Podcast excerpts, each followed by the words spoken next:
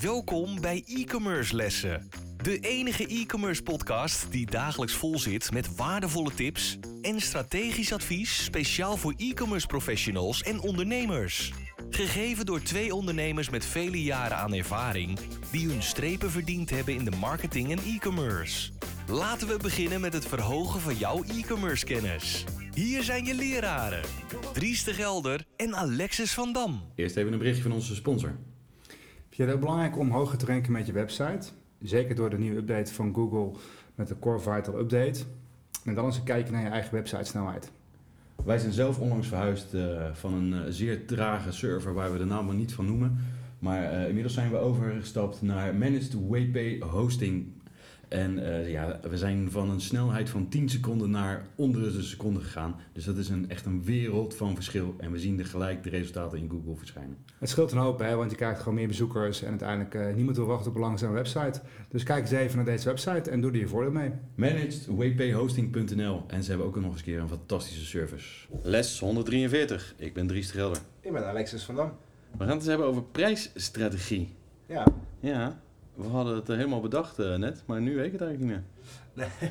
nou goed, kijk, prijsstrategie. We hebben natuurlijk, uh, als je kijkt naar, naar e-commerce, ehm, er zijn natuurlijk gewoon bepaalde keuzes die bedrijven maken. En natuurlijk sowieso, als je kijkt naar bedrijven en, en prijzen, zijn natuurlijk keuzes aan de grondslag. Je hebt natuurlijk het, wat, wat kost het om iets te produceren. Um, uiteindelijk, wat kost het je om het allemaal te verschepen en te distribueren en de marketingkosten. Nou, op een gegeven moment kom je een soort van aan een, aan een bepaalde kostprijsverlies en natuurlijk een stukje marge maken. Je komt een soort van verkoopprijs. Maar nog steeds kan ook door bepaalde prijzen te hanteren ook natuurlijk strategisch bezig zijn. Um, wil je meer exclusief zijn bijvoorbeeld, dan kan je zeggen, nou, een hogere prijs helpt juist. Want hoe hoger de prijs, hoe beter dan de perceptie zal zijn voor uh, bedrijven, of voor, voor klanten, van hé hey, ja, maar het staat ook wel richting mijn niveau wat het zou kosten. We hadden net even over bijvoorbeeld, uh, uh, nou ja, we hadden het over schoenen en zo. En als je dan gaat kijken naar bijvoorbeeld bepaalde outlet centers of online platformen die het voor een stuk verdedigen kunnen, vraag toch af hoe kan dat dan? En hoe doen zij dat dan? En wat zit daar dus dan achter? En waarom betaalt iemand de hoofdprijs en iemand niet? Ja, precies. En uiteindelijk, als je dan gaat kijken naar wat levert het dus aan gain op hè, voor, een, uh, voor een eindklant. Uh, bedoel, stel ik zou dezelfde schoenen als jij hebben en jij koopt ze bij een, uh, bij een outletcenter of bij een online webshop die het veel goedkoper aanbiedt en ik koop de volle prijs. Als zij naast elkaar in de metro staan, bijvoorbeeld, dan zie je het niet. Dan zie je het niet. En allebei geeft het dezelfde voldoening, want nou, ik heb zo'n soort type schoen van kijk mij eens wat een gewone schoen. Uh, dus dat is interessant. Waarschijnlijk ben jij er dan zuiniger op dan ik. Jij hebt 100 euro betaald en ik 30 euro. Bijvoorbeeld, dat zou dat zo kunnen. Uh, maar dat is dus interessant. En dat dus bedrijven lijkt het ook wel dat ze er steeds meer van uitgaan dat dus prijzen, uh, je zet een bepaalde prijs neer, maar het fluctueert ook. We hebben net bijvoorbeeld Black Friday en Cyber Monday gehad. Ik zat net even te kijken voor een bepaald product. Dat was dus gisteren inderdaad uh, 100 euro goedkoper. Of eergisteren. En vandaag is het gewoon uh, weer terug naar de normale prijs. Ja. Nou, dan kan je dus wel afvragen van, goh, uh, het is natuurlijk een eenmaligheid, dat, dat bouwt op, Black Friday, Simon, dat weten we gewoon, iedereen koopt.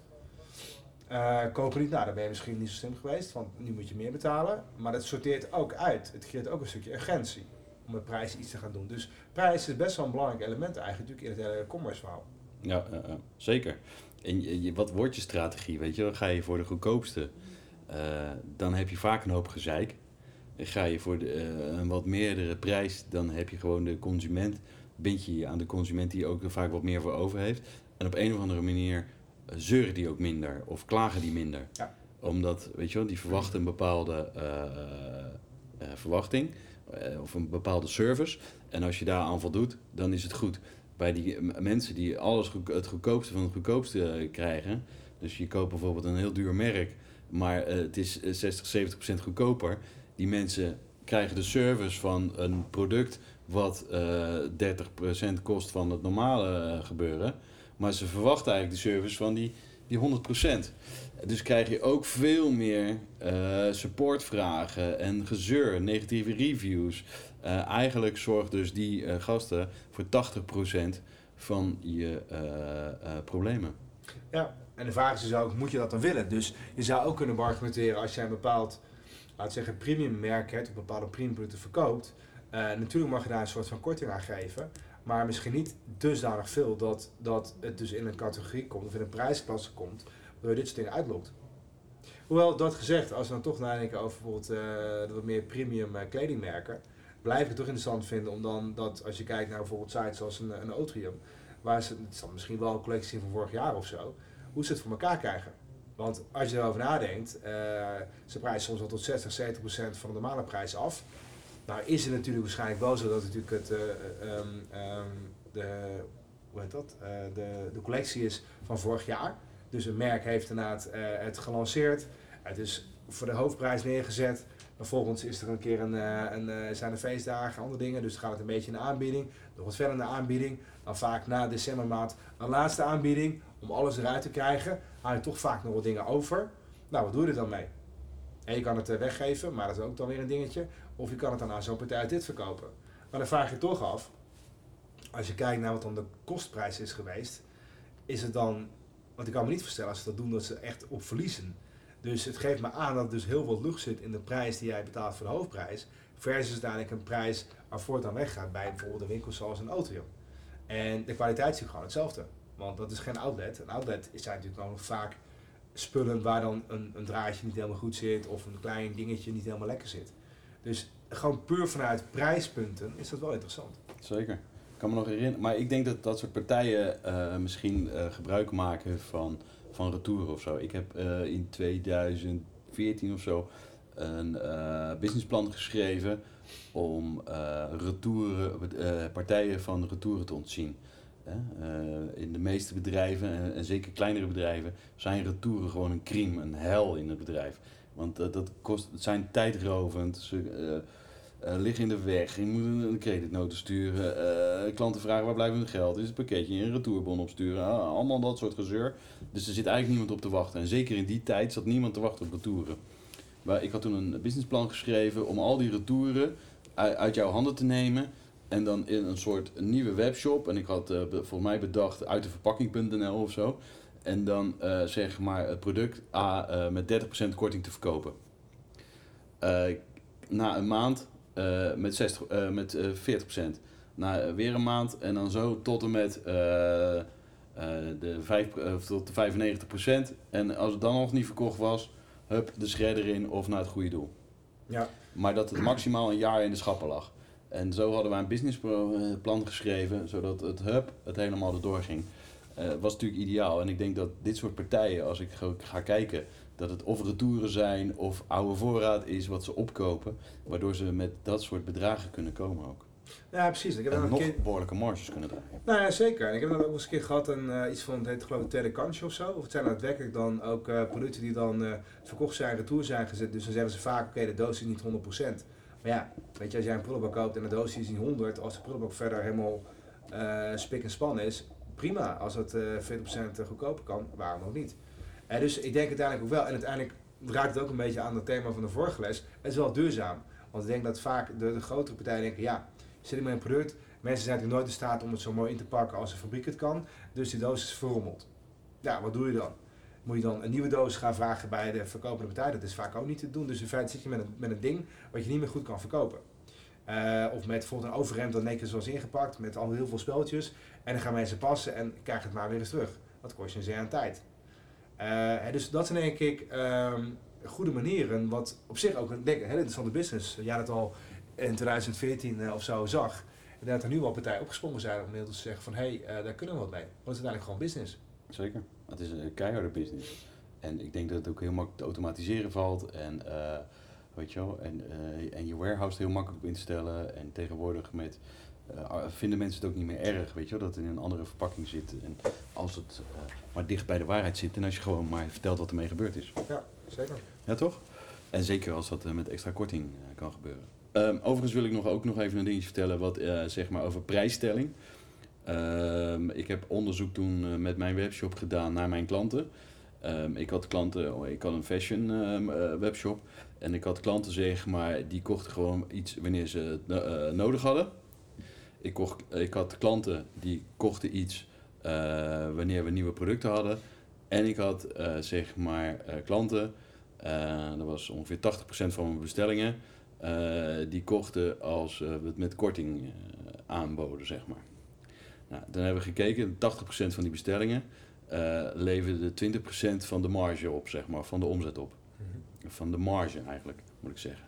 Eh 80% ook van het gezeik leverde dat op. Dus we hadden zeg maar op support, hadden we daar 80% de meeste eh retouren, meeste eh, problemen, eh, contactmomenten met de klant en altijd vervelend. 80-20 regel. 80-20 regel. Dat is vaak, eh, is vaak waar, ja. toen hebben we gezegd van we gaan gewoon, eigenlijk die doelgroep gaan we gewoon schrappen. Weet je wel, het, ten eerste we verdienen er niks aan. Het is een soort van, eh, weet je wel, het is zo aan nieuwe klanten binden. En misschien zit er wel eens een goede klant tussen, maar eigenlijk 80% die was gewoon waardeloos. En toen zijn we ons gewoon gaan focussen op gewoon alleen de juiste prijzen, eh, niet meer met kortingen werken en dat soort zaken. En toen zag je gewoon onze omzet en vooral de winst eh, toenemen. En de support echt met 80% verminderen. En dus besef je goed als je met prijsstelling gaat denken, hoe ga je je positioneren in de markt? Wil je echt die, eh, die lage kant op en eh, veel omzet maken en veel producten à la Amazon draaien? Weet je, die hebben ook jarenlang geduurd voordat die eens een keertje winst maakten. Of ga je eigenlijk vanaf dag één winst maken? En ik denk dat vanaf dag één winst maken duurzamer is Ja. dan, eh, dan alleen maar met kortingen gaan gooien. Dus als je dus gaat ke- denken over prijsstelling, denk je goed over na welke kant ga je op. En eh, heb je nu mooie producten en wil je er een goedkopere lijn bij zetten, besef goed wat je gaat doen. Want je kan je bestaande omzet om zeep helpen. Eh, heb je nu alleen maar eh, wat, een, een, een B-segment, zeg maar, je gaat naar een A-segment, een, een upgrade doen, ja, verwacht daar dan ook niet gelijk te veel van, zeg maar. Of positioneer dat op een andere website. Nou, het- twee dingen nog interessant denk ik. Eh, enerzijds denk ik, als jij eh, de keuze maakt om niet eh, aan de onderkant van de markt te zitten qua prijsstelling, dan zou je ook voor lief moeten nemen dat je misschien niet enorm veel doet via de, de bekende marktplaatsen. Want die gaan toch vaak op prijs zitten. Althans, de consument gaat daar vaak naar de goedkoopste prijs kijken. Dus dan zou je dat een beetje misschien voor lief moeten nemen. Ehm, en ten tweede denk ik, wat jij als laatste zei over A, B, C segmenten bijvoorbeeld.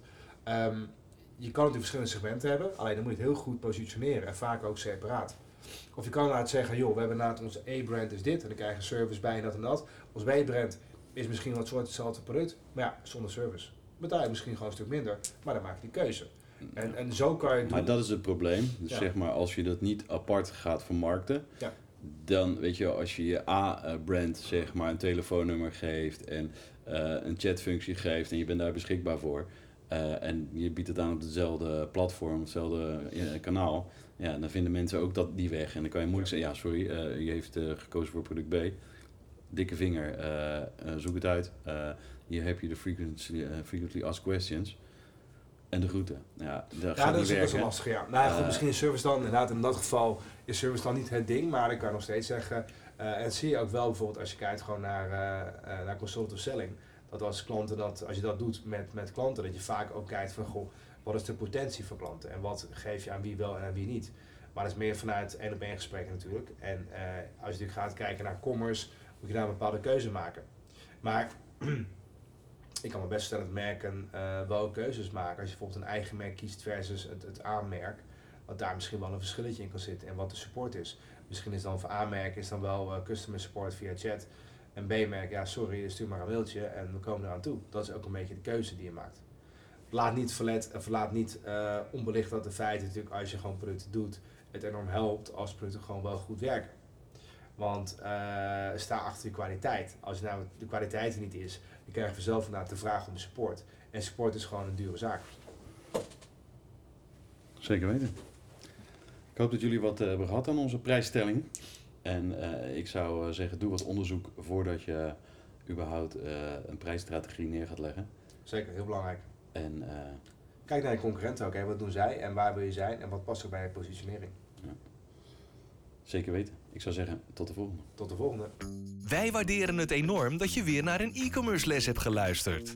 Ga naar e-commercelessen.com voor nog meer interessante content over deze les en schrijf je in voor onze nieuwsbrief voor nog meer succes. Vergeet absoluut geen review te schrijven en je te abonneren op onze lessen. Einde les. E-commerce studenten, jullie kunnen de klas verlaten en vergeet de volgende lessen niet voor nog meer geweldige e-commerce resultaten.